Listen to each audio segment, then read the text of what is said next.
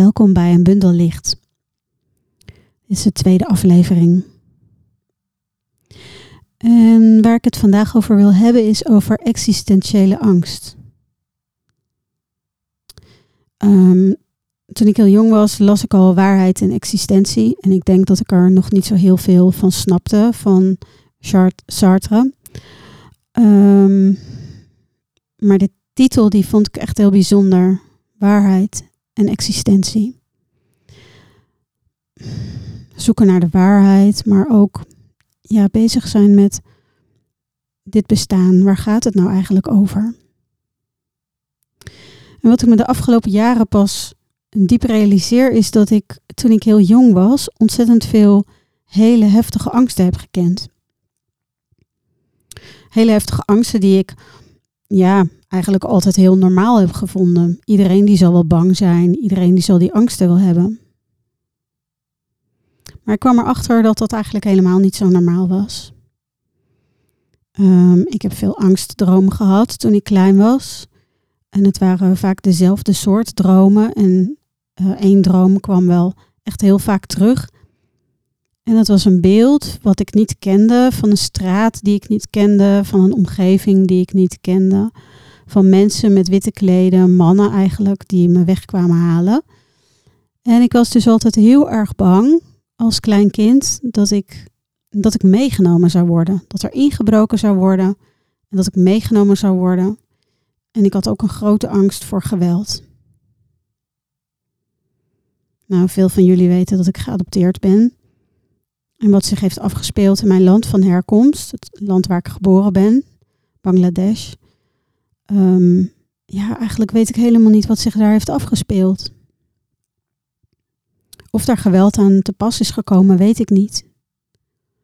Maar wat ik wel weet, dat vanuit mijn perspectief als heel klein kind, piepjong, dat het vanuit dat perspectief altijd een vorm van roof is, ook als je wordt weggegeven. Dus wat er gebeurd is, dat weet ik niet. En dat is ook oké dat ik het niet weet. Wat ik wel weet is dat ik dus echt van die dromen had over angst. Maar ook dat ik, als ik wel eens alleen thuis was en ik zou echt niet meer weten hoe oud ik was, dat ik dan onder de verwarming voor het raam aan de voorkant van het huis ging liggen en hoopte dat niemand me zou zien. Ik was echt oprecht ontzettend bang dat er mensen door het raam zouden kijken. En ja, me kwamen zoeken en me mee zouden nemen. Dus die angst, het kloppende hart, ehm, het verdriet. En als ik erover vertel, voel ik het gewoon echt fysiek in mijn lijf. Paniek in mijn borst. Die ja, is er als kleinkind heel veel geweest. En dat beeld dat ik mezelf onder die verwarming zie liggen, helemaal tegen de muur aangeduwd, dat is uiteindelijk ook een soort nachtmerrie geworden. Ook naarmate ik ouder werd, zeker op dagen dat ik koortsachtig was of ziek, dat, ja, dat ik dit ook droomde, dat ik dit deed. Dus hoe realiteit ook weer een droom kan worden. Ik heb, um, ik heb een brief aan mijn eigen existentiële angst geschreven. En die wil ik wel graag met jullie delen. Brief aan mijn existentiële angst. Ik heb een monster van je gemaakt, met grote gespierde benen, waar ik nooit voor kan wegrennen. Met opgeheven armen en geklauwde handen, vingers gespreid om me te pakken en mee te nemen, ver van hier. Ik heb een monster van je gemaakt, met holle kassen, zonder ogen. Zwarte gaten vol met doodse leegte. Een geopende mond met een gapende diepte.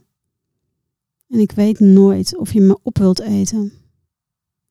Wel weet ik dat je me altijd wilt inhalen. Ik heb een monster van je gemaakt. Een monster van angst. Een monster van angst voor angst. Een angst in het kwadraat.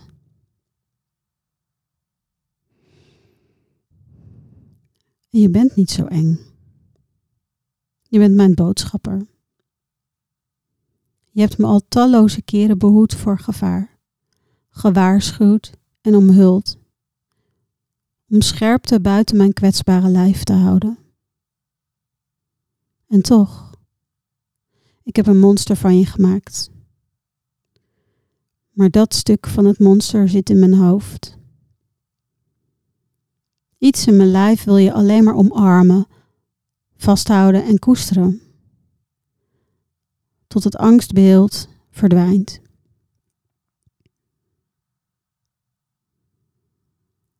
Jij bent van mij, van mij alleen.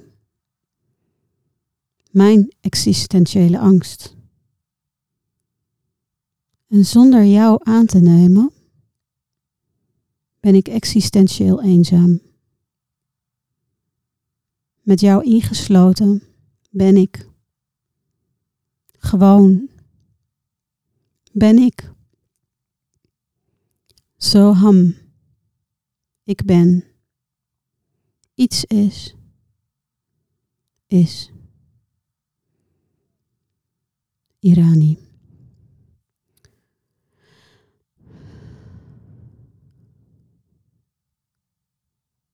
Dus als ik dit lees en me realiseer dat ik ja, zoiets groots van mijn angst heb gemaakt, iets wat me in wil halen, heeft dat er ergens voor gezorgd dat ik ook heel erg snel ben geworden. En steeds ergens vandaan wil. Toen ik dit uh, gedicht deelde met, uh, met Fiona. Toen zei ze, en ik weet niet meer hoe ze het exact zei, maar dat ik het tweede gedeelte van het gedicht, dat ik het dan mooi maak. Dus ik had het uh, afgescheurd uh, van mijn A4'tje wat ik had meegenomen waar het op stond. En later viel me zo in dat ik dacht, maar maak ik het nou mooi, fix ik het nou? Of zit er ook daadwerkelijk in mijn lijf nog zo'n zo'n deel van mezelf dat ik, dat ik ook kan ophalen waar ik uit kan putten? Dus ergens voel ik ook wel dat er in mij ook een weten is, wat ik ook in dit gedicht wil ophalen. Dus als we het dan hebben over duister en over licht, dan, ja, dan, dan is het juist die existentiële angst die er ook voor zorgt um, dat ik me realiseer dat er, dat er ook een andere kant is. Dat er ook iets is wat terug kan komen.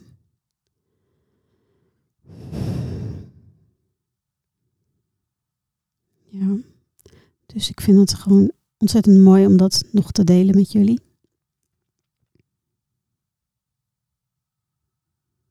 Ik ben ook echt heel benieuwd waar, waar jullie existentieel bang voor zijn. Dus als ik ook met,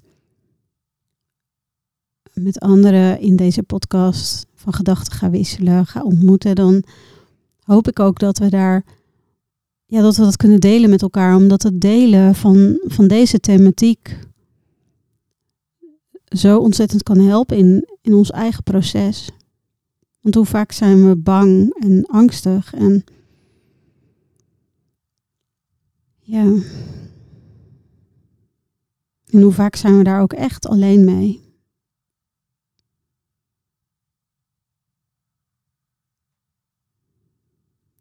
En een uh, nummer wat ik zelf echt super mooi vind is van Spinvis. En dat heet Kom terug. Dat wil ik graag met jullie delen. En ik deel een stukje. Want volgens mij mag ik niet het hele nummer delen. Dus dan kun je hem opzoeken op uh, welk kanaal je dan ook gebruikt. Het nummer is van Spinvis en het heet Kom terug. Het komt van het album Tot ziens, Justine Keller.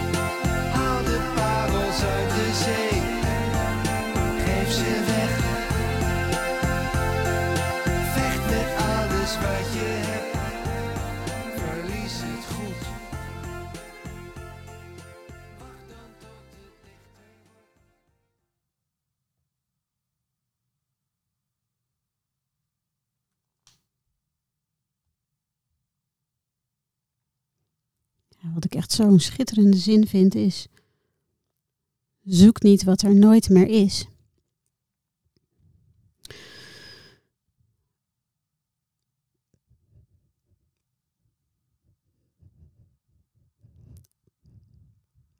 Ja, als geadopteerde is dat best wel gek. En ik weet niet of gek het goede woord is, maar ik heb eigenlijk nooit de wens gehad om te zoeken. En misschien zeg ik het niet goed. Ik heb nooit voor mogelijk gehouden dat die optie er was.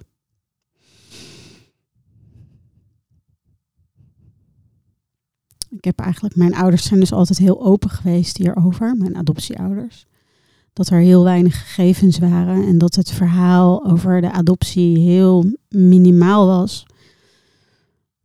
Dus ik heb me dat altijd wel in mijn oren geknoopt eigenlijk. En ja, het dus niet voor mogelijk gehouden dat er ooit gezocht kon worden. En vanaf dat ik volwassen ben, heb ik echt meerdere periodes in mijn leven gehad dat ik wel wilde zoeken en benieuwd was. Vooral heel erg benieuwd was. Dus ik heb echt wel regelmatig op internet gekeken en gezocht naar de namen uit mijn paspoort. Naar de plekken die er in de papieren genoemd staan. Ehm, en een van die momenten is ook wel de zwangerschap geweest van onze eerste zoon. Het was voor mij zo bijzonder om.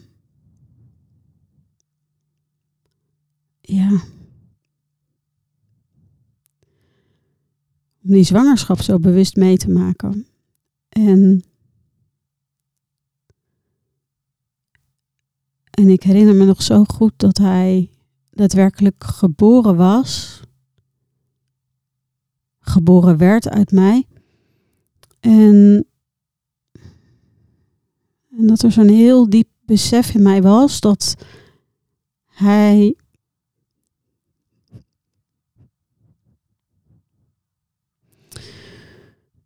het allereerste mensje was dat bloedverwant was voor mij.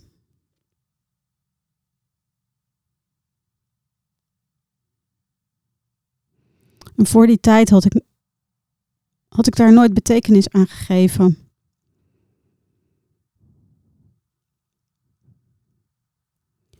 En toch was het voor mij super bijzonder.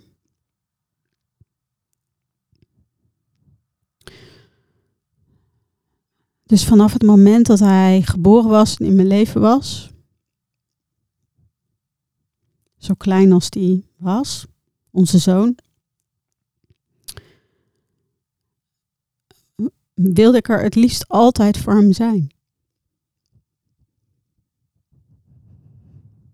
Vond het super bijzonder. En kon uren naar hem kijken. En ik denk eigenlijk dat alle ouders dat wel herkennen. En voor mij was er wel die extra dimensie. Die extra dimensie van, van herkenning. En ergens ook wel erkenning. Ik weet nog wel dat ik dan in de tram en in de metro zat. Wij woonden toen nog in Rotterdam. En ja, dat ik ook die kinderwagen echt niet los kon laten. Dat ging gewoon niet. En ik kon me ook niet voorstellen eh, dat, dat wat ik wel eens zag, is dat moeders dan de kinderwagen op de rem zetten en dan een paar stukjes verderop in dezelfde tram natuurlijk toch wel gingen zitten. Ik, ik, het was voor mij echt onmogelijk om dat te doen, om die kinderwagen of mijn kind los te laten.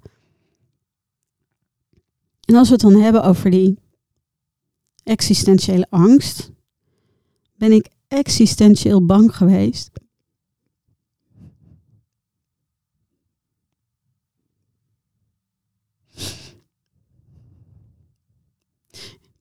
Ja, eigenlijk om mijn kind te verliezen.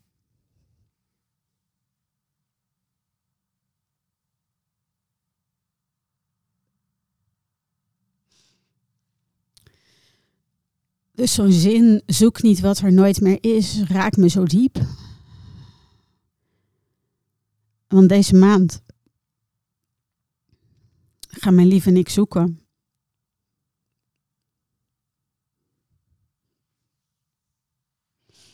En ik ga niet zoeken naar wat er nooit meer is. Maar ik ga zoeken naar wat er wel is.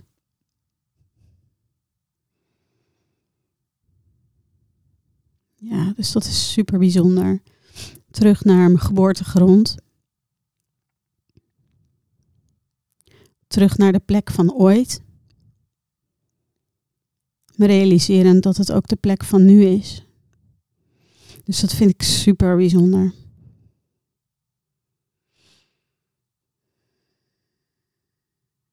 En een andere prachtige zin uit het lied van uh, Spinvis waar ik ook altijd diep door geraakt word, is erf de ogen van je kind. Kijk erdoor.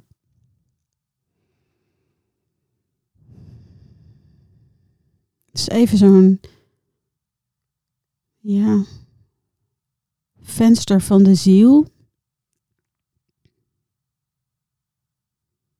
Ergens doorheen kijken wat wijzer is.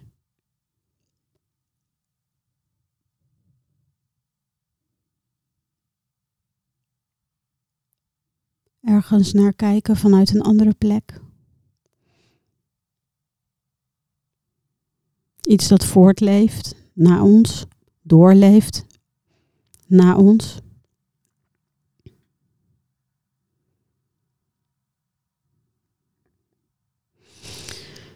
Ja, en wat ik ook een prachtige zin vind is.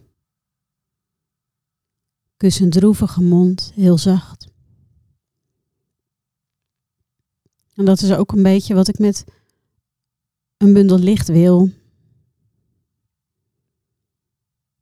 Zachtheid. Elkaar kussen, vasthouden.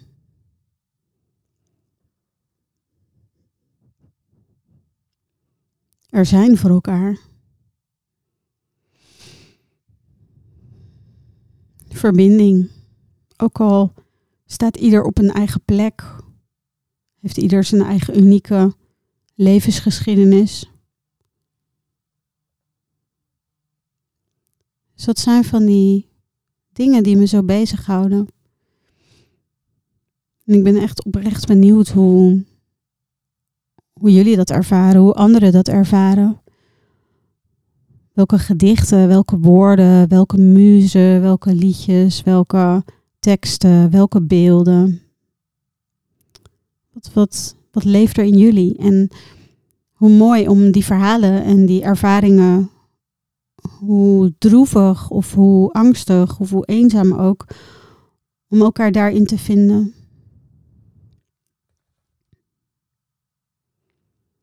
Dus zo wil ik uh, deze podcast eindigen. En ik ga nog een heel klein stukje van Spinvis aanzetten. Gewoon omdat het kan. Dankjewel voor het luisteren.